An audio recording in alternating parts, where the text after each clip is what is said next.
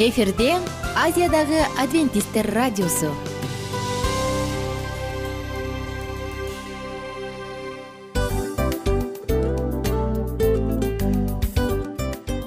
Достор салют. Баардык сүйүктүү угармандарыбызга салам айтабыз. Кутман күнүңүздөр менен. Ден соолук өмүрдүн булагы демекчи саламат саамы программасында баарыңыздарды көргөнүбүзгө абдан кубанычтабыз. Анда алгач амандашып өтөлү арбаңыздар деп. Ден соолугуңуздар кандай элибизде көбүнчө ден соолук кандай дегенде эле жакшы деп жооп беребиз э? ооруп турсак дагы жакшы дейбиз. Анан мен муну айтып ойлойт элем бул абдан сонун сөз депчи анткени бул жакшы деген үмүт да э ооба баары жакшы болот. Баары сонун. Деп үмүттөнүп атып эле өзүбүздү өзүбүз дарылап коебуз. Анысы кандай? Сиздин дагы ден соолугуңуз жакшы беш деген үмүттөбүз чындыгында ден соолук бул өмүрдүн булагы деп бекеринен айтылган эмес деп ойлойм. Кыргыз элинде анткени эгерде ден соолук жок болсо анда адамдын жашоосунда калган баардык керектүү маңыздуу нерселер өзүнүн баалуулугун жоготуп коет. Ошондуктан ден соолук бул эң керектүү нерсе. Ооба туура айтасың кесиптешим. Чынында ден соолугуң жок бир эки үч күн ооруп калсаң эле э кандай болуп калат? Жашоодо көз каранды болуп каласың көп нерсеге жетишпей каласың көп нерсени кыла албай каласың жада калса эшикке дүкөнгө да чыга албай каласың. Туптуура анан ден соолук болсо демек биз биздин бактыбыз тоодой деп койсок болот. Анда достор саламат саамы рубрикабызды баштайлы. Алдыда өзүңүзгө керектүү болгон сонун кеңештерди уга аласыздар. Мына ошондуктан биз менен бирге болуңуздар. Ал эми биз болсо милан жана айнура. Кеттик алга. Алга саламат саама ден соолуктун жарчысы. Саламат саама ден соолуктун ачкычы. Күн сайын сиз үчүн мыкты кеңештер сонун жаңылыктар кызыктуу фактылар биздин рубрикада.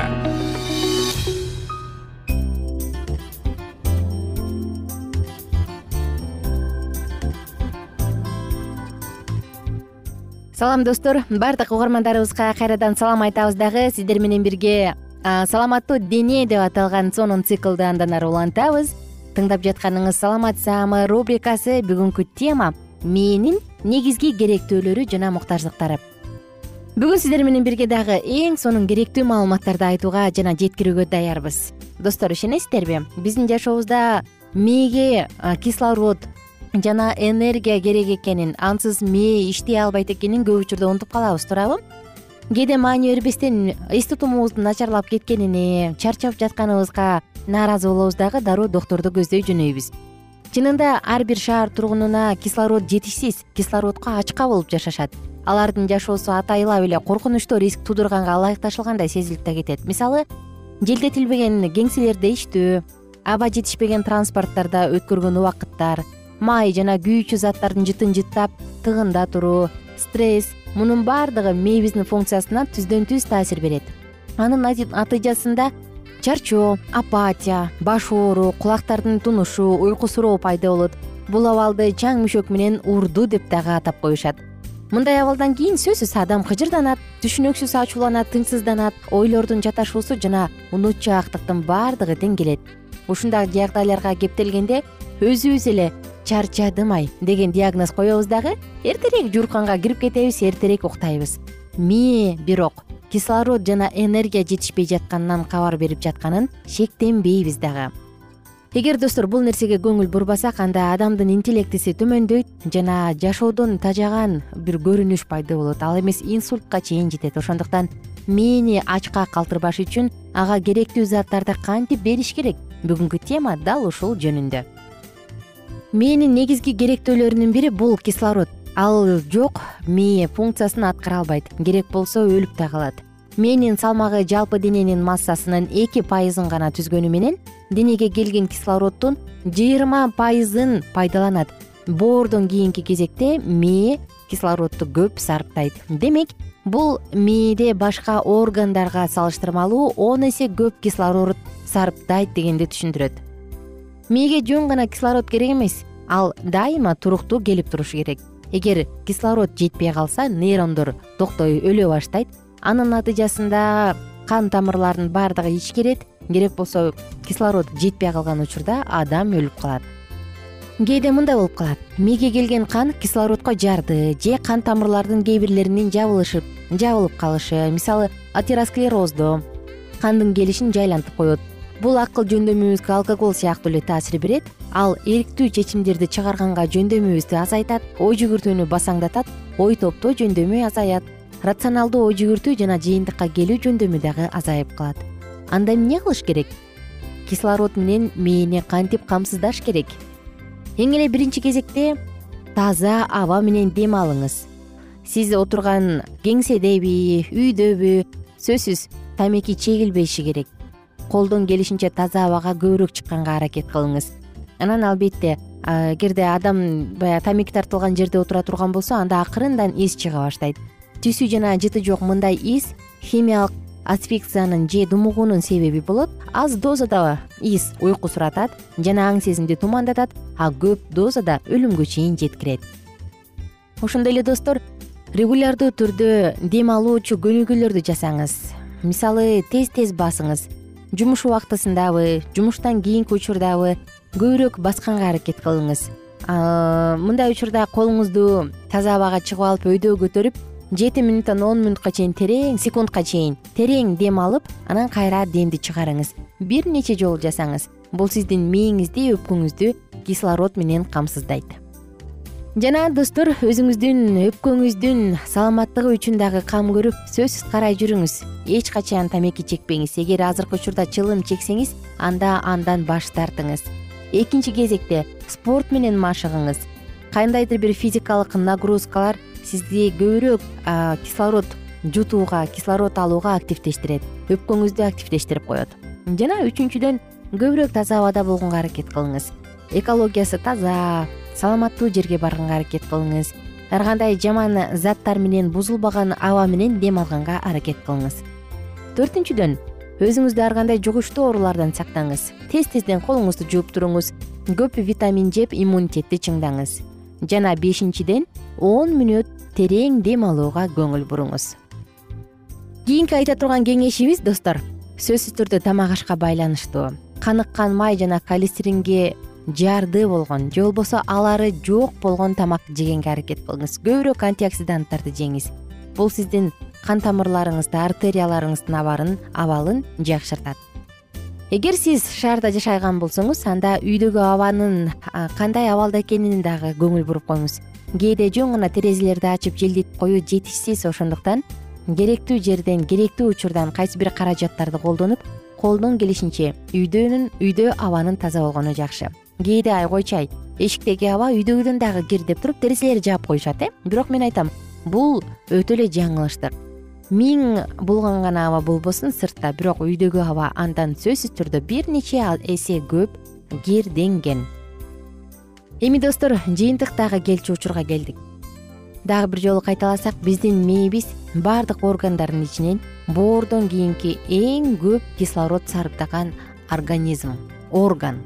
Мына ошондуктан эгерде мээде кислород жетишип баары жакшы боло турган болсо метаболизм дагы жакшырат мээ дененин салмагынын эки гана пайызын түзгөнү менен он беш пайыз анын жыйырма пайыз кислородду сарптап коет. Мына ошондуктан колуңуздан келишинче мээге керектүү кислородду бергенге аракет кылыңыз.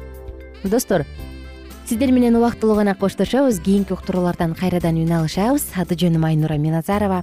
Колуңуздан келишинче ден соолугуңузду азыр сактаңыз. Азыр көбүрөөк көңүл буруңуз. Анан бизде эстеген сонун бир адат бар эмеспи оозду керээ ачып эстеген. Бул абдан адамга пайдалуу физиологиялык процесс. Анын натыйжасында бизде көбүрөөк кислород жутуп алабыз. Мына ошондуктан окумуштуулар айтышат физиологдор айтышат. Өзүңүздүн эстегиңиз келип жатканда колдон келишинче оозду чоң ачып эстеңиз деп. Сиздер менен убактылуу коштошом. Баарыңыздарга көңүлдүү күн күнүңүздөр мыкты маанайда улана берсин саламат саама ден соолуктун жарчысы. Саламат саама ден соолуктун ачкычы. Күн сайын сиз үчүн мыкты кеңештер сонун жаңылыктар кызыктуу фактылар биздин рубрикада. Салют замандаштар баарыңыздарга ысык салам. Дил маек программабызга кош келиңиздер. Дил маек рубрикасы дегенде эле бул эмне болгон дил маек? Ким менен маектешебиз деп сурайт болуш керек угармандарыбыз бул рубриканы кыскача тааныштыра кете турган болсок ар тарап кесип ээлеринен болгон сонун интервью кеңештер бар. Ооба. жылдыздар менен болгон маек бар. Аталарыбыздын агаларыбыздын чоң аталарыбыздан сонун кеңештер бар. Ошондой эле эже сиңдилердин кеңештери бар айтор. Баардык кызыктардын баары алдыда. Негизи эле адам баласы бир кимдир бирөөнө ишенип сырын ачкысы келет эмеспи э мындай баарлашууга жакын келебиз го. Албетте. Негизи бир жерге отуруп алып кенен шашпай баягы жүрөктөн жүрөккө ачып сырларыбызды ар кандай көйгөйлөрүбүз менен бөлүшүп баягы чын жүрөктөн маек курганды кимибиз сүйбөйбүз э? Ооба десең ал нерсеге суусап да келебиз да. Ооба кээ бирде адамга чындыгында баягы э, ысык маек баягы жылуу маек жетишпейт да. Ошондуктан биз ушул рубриканы ойлоп тапканыбызда эң биринчи эле достор сиздер менен чын жүрөктөн бир маңыздуу темаларды козгоп кеткени э, кааладык. Ошондуктан ушундай сонун бир рубриканы тартуулап жатабыз. Анын үстүнө радио дагы сонун дос да анткени э, мындай учурда досуңа айтсаң досуң досуна айтат досу досуна айтат да анан бүт өлкө билип калышы мүмкүн го. А радио болсо сени сатпаган сенин айыбыңды ачпаган сенин сырыңды эч кимге айтпаган сонун дос ошондуктан биздин алдыдагы айта турган кеңештерибизди биздин досторубуздун кеңештерин угуп анан ал жака пикириңизди дагы калтырып кайрадан биз менен байланышсаңыздар болот. Деги эле жашооңузга эгерде кичине болсо дагы өзгөрүү алып моралдык жактан нравовик жактан сонун бир кеңештерди алсаңыз демек биз максатыбызга жеттик. Ооба. Чыңгыз атабыз улуу жазуучу э, чыңгыз айтматов айткандай адам болуу бул күнүмдүк процесс экен.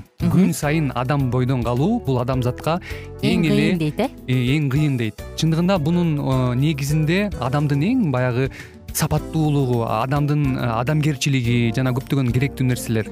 Мына ошол темалар дагы бизде ушул дил маекте биз аларды да козгойбуз. Ден соолук жөнүндө да сүйлөшөбүз. Сөзсүз түрдө анан милан мырза негизи айтып коюшат го. Биз көбүнчө эмнени ойлонсок? Ошол нерсеге карата иш кылабыз го. Ооба. Анан анысы кандай? Балким бул радио баракчада кимдир бирөөнүн оюн текшергенге жардам берет кимдир бирөөнүн жүрөгүн текшергенге жардам берет. Балким кимдир бирөөгө жашоонун маңызын тапканга жардам берет. Айтор кызыктын баары алдыда бул жөн гана кыскача жарнама анда угармандарыбыздын баардыгын кийинки рубрикабызга чакырабыз. Ал эми кызматта маңдайымда отурган кесиптешим милан жана мен айнура. Анда эмесе биз даярдаган терең терең ойлор менен таанышууга кеттик. Алыс алыс баралык. Анда эмесе достор биз менен бирге болуңуздар. Алдыда эң кызыктуу маалыматтардын баардыгы бир нече мүнөттөр бою жалгыз гана сизге арналат мына ошондуктан жакшы маанай менен угууну каалайбыз. Үн алышканча. Жөнөдүк. Ар түрдүү ардактуу кесип ээлеринен алтын сөздөр жүрөк ачышкан сыр чачышкан сонун маек дил маек рубрикасында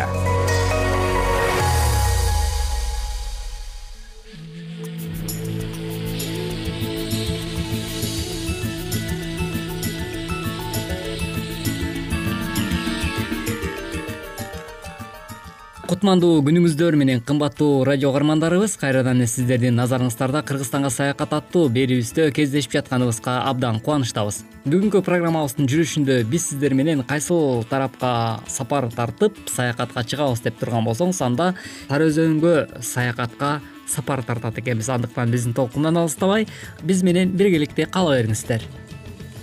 Сары өзөнчү саякатчынын кыялы ажайып табияты койнунун кеңдиги алкоого татыйт. Сиз үчүн биз жайкы эс алууну эсте калаарлык кылып өткөргүңүз келсе анда биз менен чогуу сапар тарткыла. Кайда токтоп эмнелерди көрүп жана эс алууңузду кандай өткөрсө болот туурасында бүгүн биз бөлүшөбүз. Чүй өрөөнүндө түнөк жайлары этно борборлор бар таңда алдыңызга каймак борсогу менен коюшса кечки дасторкон сизди беш бармагы менен тосот. Ошондой эле жарпаңызды жазып жаа атып кыргыздын улуттук оюндарына катыша аласыз. Чүй облусунда өлкөдөгү эң ири чопо каньондор рафтинг үчүн көлү да дайрасы да бар капчыгайлар да арбын жыш карагай токой жана төбөңүз жеткен булуттардын курчоосунда тоонун чокусунда тургандыгыңызды элестетсеңиз. Бишкектин жанында жана суу самыр өрөөнүндө бар. Эгер андан да ашынган ырахат издесеңиз чуу же чоң кемин дайраларына термелиңиз. Табияттын кооздугуна асмандан көз салып көөдөнүңүзгө толгон соң жүрүшкө багыт алсаңыз болот. Ар кыл багыттар бар. Жөө жүрүштөр үчүн кеңири тандалган жер ала арча улуттук паркы. Чокулардын бирине чыгып тоо көлдөрүнө суктанып шаркыратманын алдында сууга да түшө аласыз. Буларга балык улоо сан жылдыздын астында түнөө аркар тоо эчкилерине байко салууну кошсоңуз эс алууңуз эстен кеткис болооруна эч шектенбеңиз. Оор жоон баштыкты асына жөө басышты жактырбасаңыз ижарага ат алып мындай мүмкүнчүлүк ар бир капчыгайда жаралат. Ат үстүндө тоону аралаңыз. Эгер ээрге эрежедегидей отура албасаңыз анда коштоочу да ээрчитиңиз башка тандамдар да бар. Багги ижаралап коңорчок чопо каньонуна жөнөңүз. Болбосо жол тандабас айдап алып капчыгайды айланып чыгыңыз тоо көркүнө тоюп бүткөндө тарыхый эстеликтерди бурана мунарасы балбал таштардын же эски шаардын урандысын көрүңүз. Ат үстүндө сейилдөө атка минүү менен бирге табияттын кооз жерлерине куштарланасыз. Параглайдинг аба агымында параплан менен учуу инструктор менен бир жолку учуш баштапкы жердин бийиктигине жараша төлөнөт. Чүй облусунда үч учуш чекити бишкекке жакын жерде жана суусамыр өрөөнүндө экөө бар. Балык улоо чуй областунда ондон ашык суу сактагыч жайкы балык улоого ылайык. Алардын көп тандалганы спартак ала арча жана шорго. Ошондой эле чүй жана чоң кемин дарыяларында да балык улоого болот. Альпинизм жана треккинг татаал тоо чокуларына же табияттын керемет жерлерине жөө багыт алсаңыз акы алынбайт. Бирок ал жакта чатыр орнотуу үчүн төлөйсүз. Айтмакчы багындыруучу чокулар да жүрүш багыттары сымал аябагандай көп. Рафтинг. Тоо дарыяларынан рафт менен түшүү. Адатта мындай турлар май айынан сентябрга чейин уюштурулат чуу жана чоң кемин дарыяларында рафтинг турлардын ага зарыл болгон жабдык жана сиз тандалган дайрага чейинки унаа баасы да камтылган. Мындан сырткары дагы кең өзөн чүй боорунда тарыхый маданий туризм туурасында дагы айтып кетпесек болбос. Тарыхый маданий туризм тарыхый маданий жерлердин кыдыруу жана изилдөө чүй облусунда туристтерди бурана мунарасы жана кызыл арык эски шаар урандылары көп кызыктырат анда бейит үстүндөгү скульптуралар таш эстелик жана балбал таштар азыркыга чейин сакталган. Кыргызстандык болосузбу же чет элдик туристсизби кай тарабынан көз чаптырбаңыз ажайып көркөмдүү бет маңдайыңызда. Балким башта этибар албаган чыгарсыз.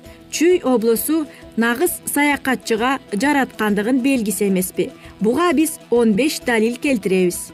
Чоң кемин өрөөнү борбор калаадан чыгышка кырк бир чакырым аралыкта. бир миң төрт жүз үч миң эки жүз метр бийиктикте орун алган.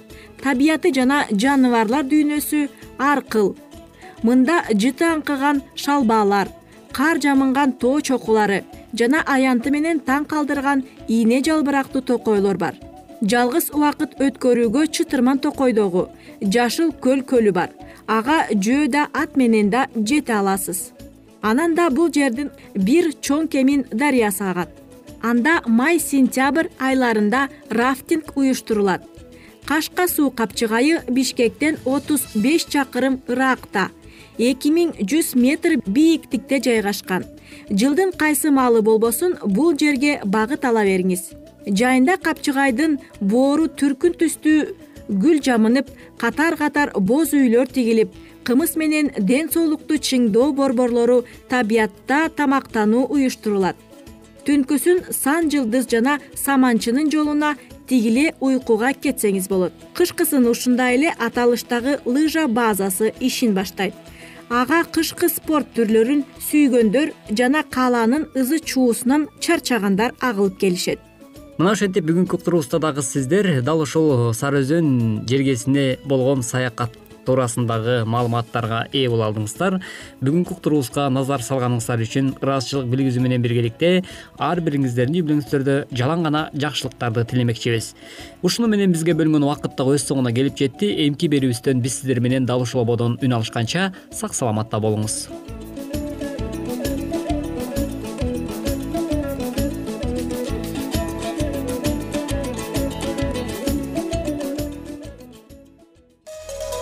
ар түрдүү ардактуу кесип ээлеринен. Алтын сөздөр жүрөк ачышкан сыр чачышкан сонун маек. Дил маек рубрикасында.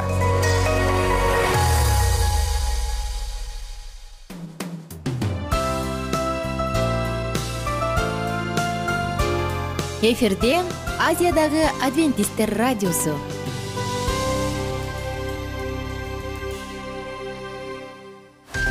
жан дүйнөңдү байыткан жүрөгүңдү азыктанткан жашооңо маңыз тартуулаган жан азык рубрикасы.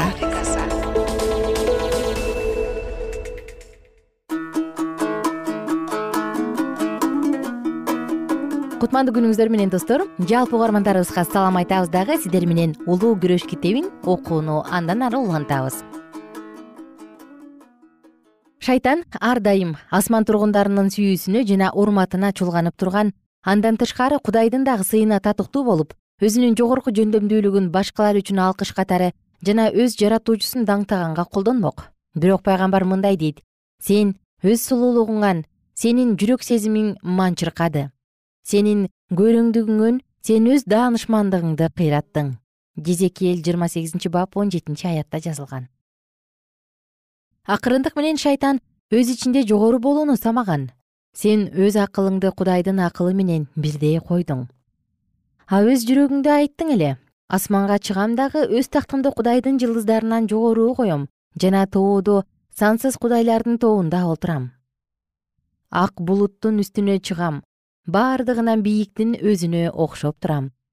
Кудайдын жаратылыштарын ириде өз жаратуучусун сүйүүгө үндөөнүн ордуна шайтан аларды өзүнө табынтып жана кызмат кылдырууга аракеттенген кудай ата өзүнүн уулун бөлөгөн урмат сыйды алууну каалагандыктан бул асман тургундарынын башкаруучусу бир гана машаякка таандык болгон бийликти алууну самайт. Түгөл асман жаратуучунун даңкын чагылдырып жана кудайга даңк айтуудан өзгөчө кубаныч алышкан жана кудай ушундай кадырланып турганда бардыгы тынчтыкта жана бейкуттукта болушчу. Эми болсо асман тынчтыгы бузулду өзүн жогору баалагандык өзүнө кызмат кылдырууга аракет жасагандык. Алгачында кимге кудайдын даңкы биринчи орунда тургандардын аң сезимдеринде жаман санааларды туудурган. Асмандагы болгон жыйындарда шайтандын токтоп ойлонуусуна мүмкүндүк берип суранышкан. Кудай уулу ага жаратуучунун улуулугун ырайымдуулугун жана адилеттүүлүгүн жана анын мыйзамдары ыйык бузулгус экендигин айткан. Кудай өзү асмандагы тартипти орноткон жана аларды барка албагандык менен шайтан өз кудайынын баркын баалабай өзүн өлүмдүн түпкүрүнө түртөт. Бирок чексиз сүйүүнүн жана ырайымдын аргасынан чыккан эскертүүлөр андагы карама каршылык рухун андан бетер ырбатты. Шайтан өзүндөгү көрө албастык сезимине өзүн башкаруу үчүн жол бергендиктен анын жасаган аракеттери уламдан улам чечкиндүү боло берди өзүнүн улуулугуна мактануу менен ал жогорку бийликке жетүүнү самаган. Теңир аны курчап койгон сый урматты туура баалаган жок жана өз жаратуучусуна берген жөндөмдүүлүгү үчүн керектүү болгон ыраазычылыкты көргөзө албады. Ал бардык асман тургундарынын алдында өз артыкчылыгы менен барктанып кудай менен тең болууну самаган. Асман аскери ага сүйүү менен мамиле жасашкан жана анын буйруктарын кубануу менен аткарышкан. Анткени ал эң жогорку даанышмандык жана даңк менен курчалган эле. Бирок асмандын чыныгы башкаруучусу ата менен бирдей күчкө жана бийликке ээ болгон кудайдын уулу болчу. Шайтанга кудайдын андан каалаган максаттары ачыла электе эле машаяк кудайдын ар бир кеңешинде катышкан. Жана бул кудуреттүү периште өзүнөн мындай деп сурачу. Эмнеге машаякка жогору бийлик берилген? Эмнеге ал менден жогору ал өзүнүн кудай алдындагы кызматын калтырып шайтан периштелердин арасына нааразычылык рухун себе баштады.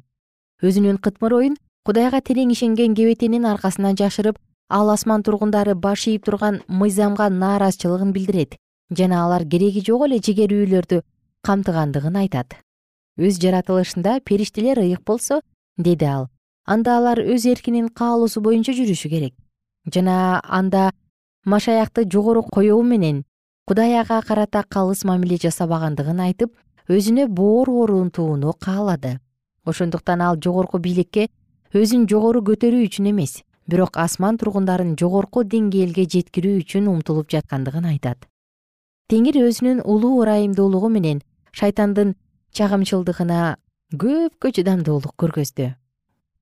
Ал өзүнүн мыйзамсыз талаптарын ишенимдүү периштелердин алдында сунуштап нааразычылык рухун көргөзсө дагы өзүнүн жогорку ордунан шыр эле алынып ташталбады. Ал көптөгөн убакыттар асманда кала берди. Көп жолу ага тобо келтирип өзүнүн жоошутуу керек экендиги сунушталган жана чексиз даанышмандыктын сүйүүнүн бардык аракети анын жаңылыштыгын өзүнө көргөзүү эле. Бөлүнүү руху ушул мезгилге чейин асманда болгон эмес. Башталышында шайтан кайсыл туңгуюкка түшүп бара жаткандыгын жана өзүнүн сезиминин чыныгы жаратылышын билген жок. Бирок ага качан нааразычылыкка негиз жок экендиги көргөзүлгөндөн кийин шайтан өзүнүн туура эместигин жана кудайдын мыйзамдары адилет экендигин түшүндү. Ал түгөл асман тургундарынын алдында бул ишин моюнга алуусу керек эле. Жана эгерде ал ушундай кылганда өзүн жана көп сандаган периштелерди сактап калмак. Ал учурда шайтан кандайдыр бир деңгээлде кудайга ишенимдүү болчу ал өзүнүн калкалоого арналган периштелик даражасынан түшүп калган болсо дагы эгерде кудайга өз эрки менен анын даанышмандыгынын мойнуна алып кайрылгандан кайрадан кайрылса кайра кудай ага баштагы укугун сунуш кылмак. Бирок текебердик анын баш ийүүсүнө жол бербеди. Өзүнүн көз карашын аракетин абдан коргогондуктан тобо келтирүүгө муктаждыгын сезбей өз жаратуучусу менен улуу күрөш жолуна түштү жана ал өзүнүн бардык сейрек учурай турган акылын өзүнүн башкаруусундагы периштелерди азгырыш үчүн пайдаланды. Жада калса машаяктын кеңеши анын наадан планынын алдында бурмаланып турду. Өзүн өзгөчө жакшы көргөн периштелердин алдында шайтан өзүнө карата керектүү урмат сый көргөзүлбөгөндүгүн жана анын эркине карата мыйзамсыз басымдуулук жасалгандыгын айтып даттанган машаяктын сөздөрү бурмалап айтуу менен ал кудай уулуна карата ар кандай ушак айыңдарды айтып аны түгөл асман тургундарынын алдына шылдың кылууну каалады. Ал өзүнүн келишпестигин ишенимдүү периштелердин алдында бурмалап көргөзүүгө аракеттенди. Жана өз тарабына тартып алган периштелерди ал асман тургундарынын кызыкчылыктарына маани бербегендиги үчүн айыптаган. Ал эми аны ээрчип кетпестен ишенимдүү болуп калган периштелерди өзүнүн кылган иштерин аларга жала жабуу менен айыптады.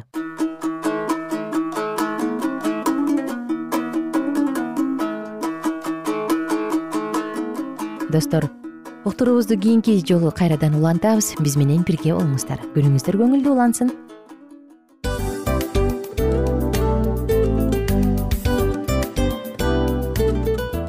ушинтип убакыт дагы тез өтүп кетет экен. Биз дагы радио уктуруубуздун аягына келип жеттик. Келип кубандырдыңар эми кетип кубандыргыла деп тамашалап калышат эмеспи? Анысы кандай? Радио баракчабызды программабызды азыр эле баштап аткандай болдук элек. Мына соңуна келдик э? Негизи убакыт э, билинбей өтүп кетет экен?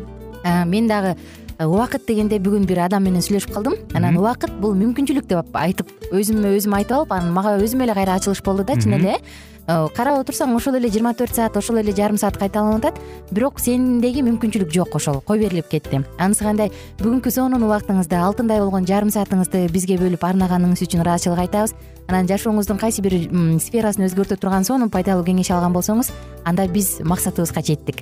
Анан ушул нерсени кылбасам десеңиз ошол өзгөрүүлөрдү кичинекей кадамдардан баштап иш жүзүнө ашырыңыз дагы жашооңузда чоң чоң ийгиликтерге жетиңиздер чын жүрөктөн ар бир берилген кеңештер сөздөр сиздерге пайдасын алып келет деп ишенебиз жана кийинки уктурууларда сөзсүз түрдө чыдамсыздык менен сиздерди күтөбүз. Сагынычтуу салам айтып кайрадан дал ушул жыштыктан баардыгыңыздарды тосуп алганча кызматта мен айнура жана кесиптешим милан анда кол булгалайбыз жалпыңыздарга ийгиликтүү күн. Саламатта калыңыздар